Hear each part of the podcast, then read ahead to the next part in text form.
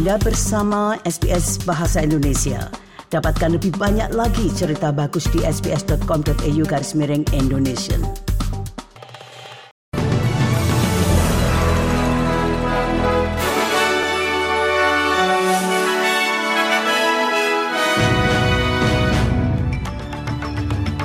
Berita terkini untuk SBS Audio Program Bahasa Indonesia untuk Rabu 25 Oktober 2023.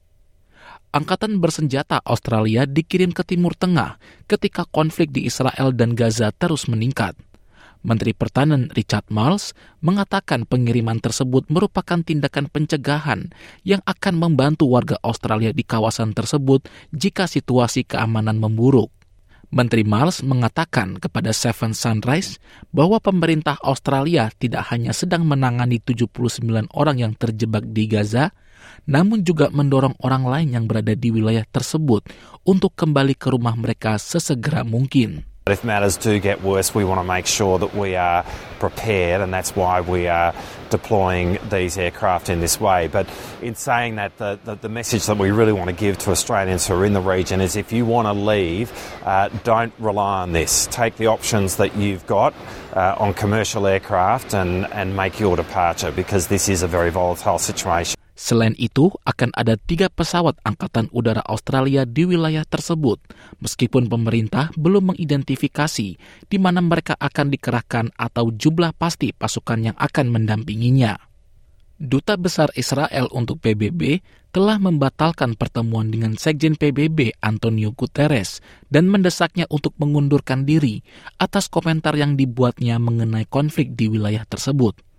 Dalam pidatonya di Dewan Keamanan, Guterres mengklaim tindakan militan Hamas tidak dapat membenarkan hukuman kolektif terhadap warga Palestina dan juga berpendapat bahwa warga Palestina telah menjadi sasaran apa yang ia sebut sebagai pendudukan yang menindas selama 56 tahun.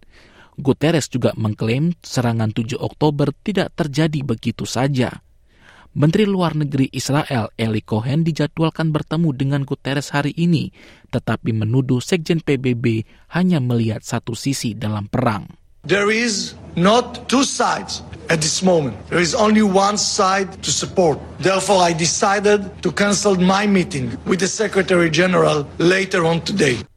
Organisasi Kesehatan Dunia atau WHO mengatakan mereka tidak dapat mendistribusikan bahan bakar dan bantuan penyelamatan jiwa ke rumah sakit-rumah sakit besar di Gaza Utara karena kurangnya jaminan keamanan. Mereka menyerukan gencatan senjata segera sehingga pasukan kesehatan dan bahan bakar dapat disalurkan ke jalur Gaza. WHO mengatakan lebih dari separuh fasilitas layanan kesehatan primer dan diperkirakan satu dari setiap tiga rumah sakit telah berhenti berfungsi.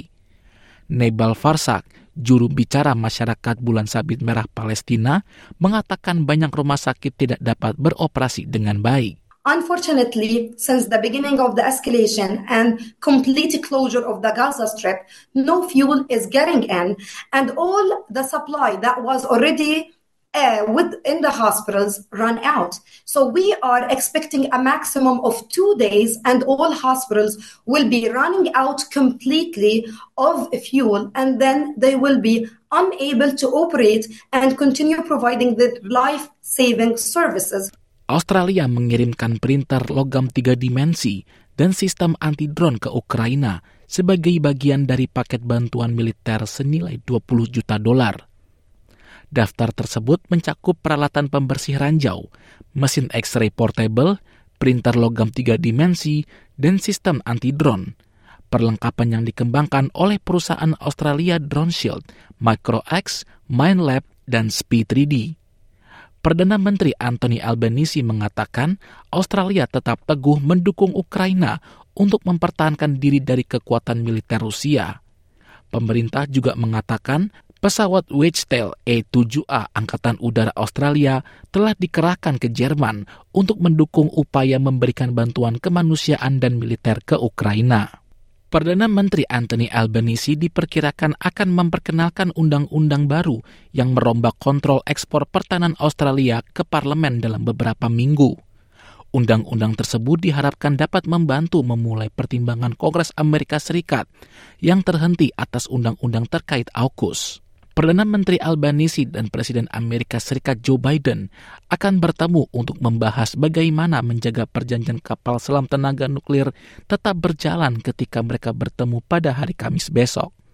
Namun Senator Partai Nasional Matt Canavan mengatakan kepada Channel 9 bahwa Australia tidak boleh bergantung pada dukungan negara lain. I always don't think we can bank on any other nation. Ultimately, the US is a good friend of ours, but we do need to take our own security in our own hands. And and while uh, obviously we and governments uh, develop the AUKUS program, it's not our only uh, defence asset acquisition. And I'm just concerned the government is cutting back on the tanks they're acquiring. We can't just put all our eggs in the AUKUS basket because maybe something does happen. Harga barang dan jasa tidak lagi tumbuh secepat sebelumnya.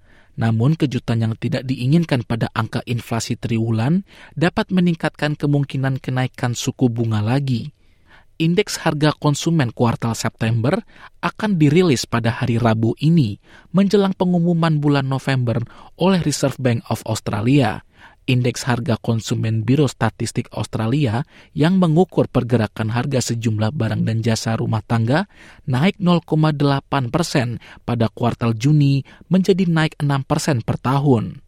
Tingkat inflasi telah turun secara signifikan dari puncak pertumbuhan tahunan sebesar 7,8 persen pada kuartal bulan Desember, meskipun masih jauh di atas target Bank Sentral sebesar 2 hingga 3 persen pengemudi rideshare akan diberikan akses cepat ke 10.000 kendaraan listrik sebagai bagian dari kesepakatan antara Uber dan BYD yang dirancang untuk meningkatkan jumlah mobil rendah emisi di Australia.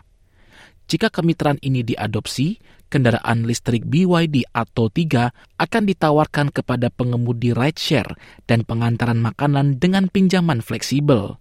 Direktur Pelaksana Uber Australia dan Selandia Baru Dom Teller mengatakan perusahaannya telah menyelidiki cara untuk membantu pengemudi membeli kendaraan rendah emisi sejak tahun 2021 dengan tujuan menjadi platform nol emisi pada tahun 2040.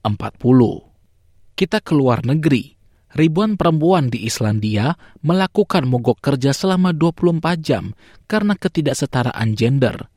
Islandia dianggap sebagai salah satu negara paling progresif di dunia dalam hal kesetaraan gender dan menduduki puncak indeks kesenjangan gender Forum Ekonomi Dunia selama 14 tahun berturut-turut. Namun di beberapa industri dan profesi, penghasilan perempuan setidaknya 20% lebih rendah dibandingkan laki-laki di Islandia dan 40% perempuan di Islandia mengalami kekerasan berbasis gender dan seksual menurut penelitian lokal.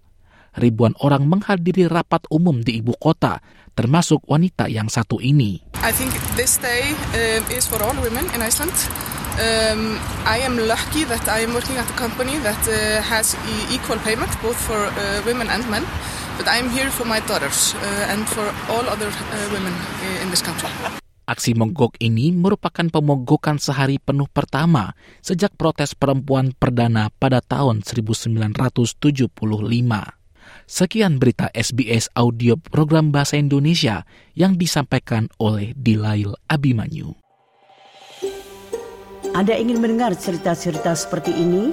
Dengarkan di Apple Podcast, Google Podcast, Spotify, atau di mana pun Anda mendapatkan podcast Anda.